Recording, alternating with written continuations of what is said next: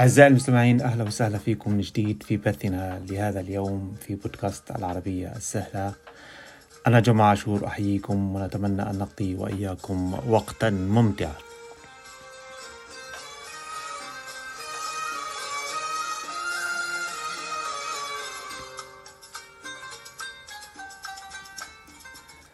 طبعا الموسيقى والأغاني التي ترافقنا اليوم هي للسيدة المغنية اللبنانية فيروز وهي علم من أعلام الغناء الصباحي في العالم العربي. فكثير من الشعب العربي لا يحلو يومهم إلا بالاستماع لهذه الألحان الصباحية. فنتمنى أنكم سوف تستمعون تستمتعون وإيانا. أهلا بكم.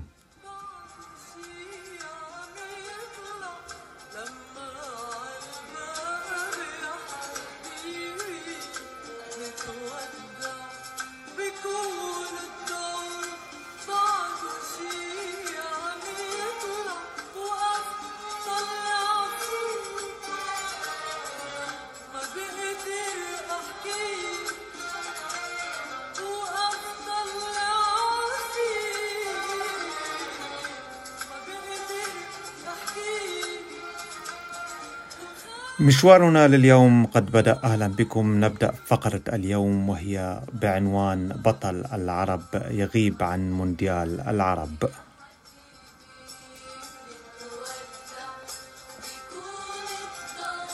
طبعا القصد ببطل العرب هو المنتخب الجزائري الذي فاز بكأس العرب لكرة القدم الذي أقيم في قطر السنة الماضية.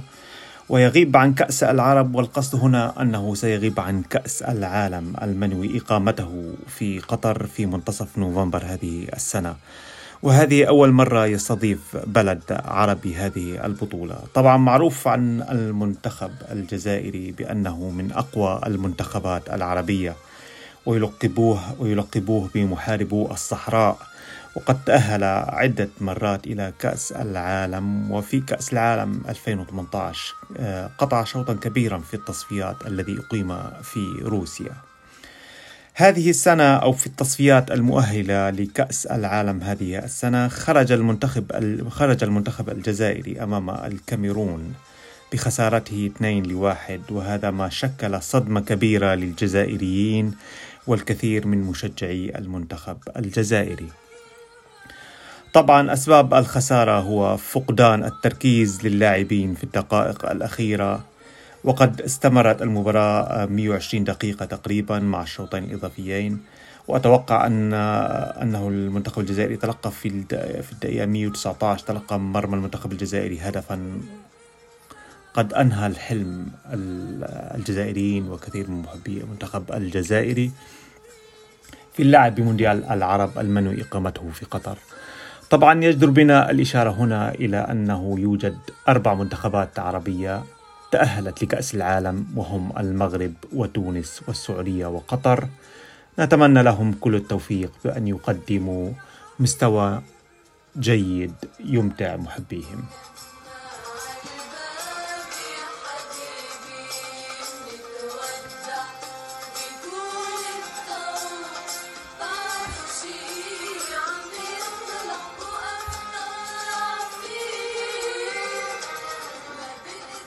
في فقرة trending انتشر عبر شبكات التواصل الاجتماعي الاجتماعي مقطع فيديو طريف بطله الممثل السوري تيم حسن الذي طلب من أي شخص يمكنه مساعدته في استرجاع وديعته المالية بأحد المصارف اللبنانية وعد مازحا بمنحه 10% من قيمة الودائع لمن يقوم بذلك أي بمساعدته في استرجاع الودائع.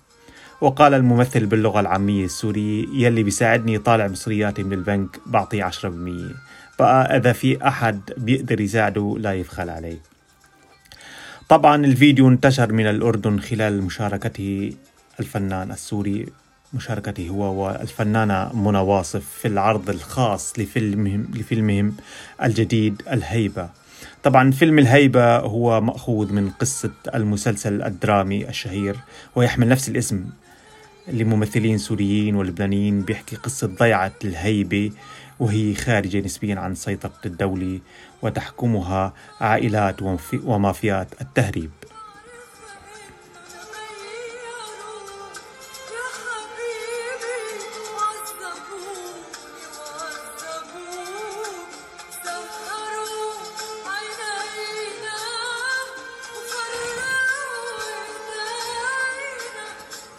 طبعا تشكل هذه المسلسلات التي تتحدث عن ضياع خارجة عن سيطرة الدولة وتحكمها العائلات الكبيرة آه، بقوة السلاح جدلا كبيرا في الشارع العربي. فمثلا الممثل السوري تيم حسن أطلق لحيته في هذه في هذا المسلسل وبعد عرضه في العالم العربي. كثير من الشباب العربي أطلق لحيته أيضا وأصبح يتحدث بلهجة المسلسل اللهجة السورية واللبنانية. ولكن نال المسلسل الكثير من الانتقادات باعتبار أنه يشجع على خرق القانون وإفراط استخدام السلاح وكثير من اعتبر ذلك المسلسل هو لتحسين صورة المجرمين وتجار الأسلحة والمخدرات وهذا غير مقبول وغير واقعي.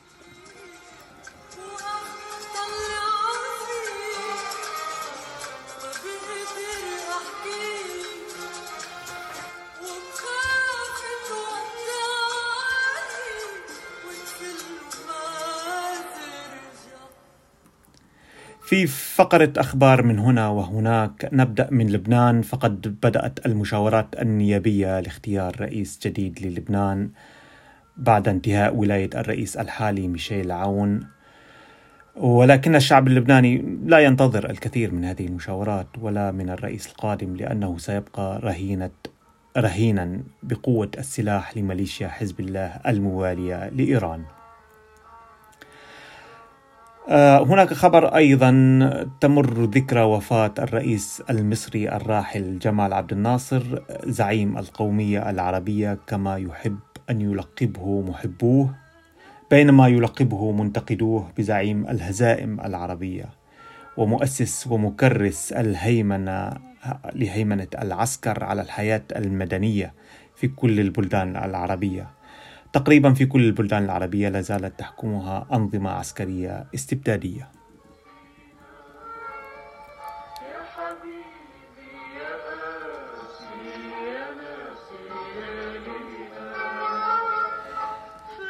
عالميا فقد تعرض خط ال Nord Stream واحد وال Nord Stream اثنين خطوط نقل الغاز من روسيا إلى أوروبا إلى ضرر. البعض يتوقع أن هذا أنه كان متعمدا فمنهم من يتهم يتهم روسيا بذلك وروسيا وروسيا تسأل من المستفيد؟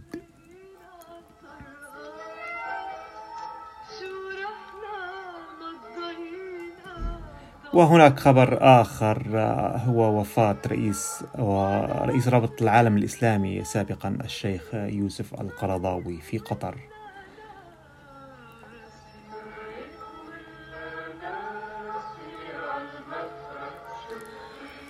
طبعا أخيرا خبر هناك آه، لا يزال أو لا تزال المظاهرات في إيران كما كانت في الأسبوع الماضي لا زالت مستمرة وهناك تدهورا في صحة علي الخامنئي المرشد الأعلى للثورة الإسلامية.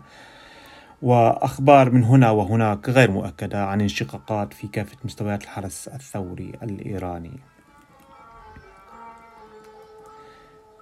وهيك بنكون وصلنا لنهاية بثنا لليوم. نتمنى أن نكون قد أسررناكم وقد نال أعجابكم وإلى اللقاء في بودكاست قادم. شكرا لكم.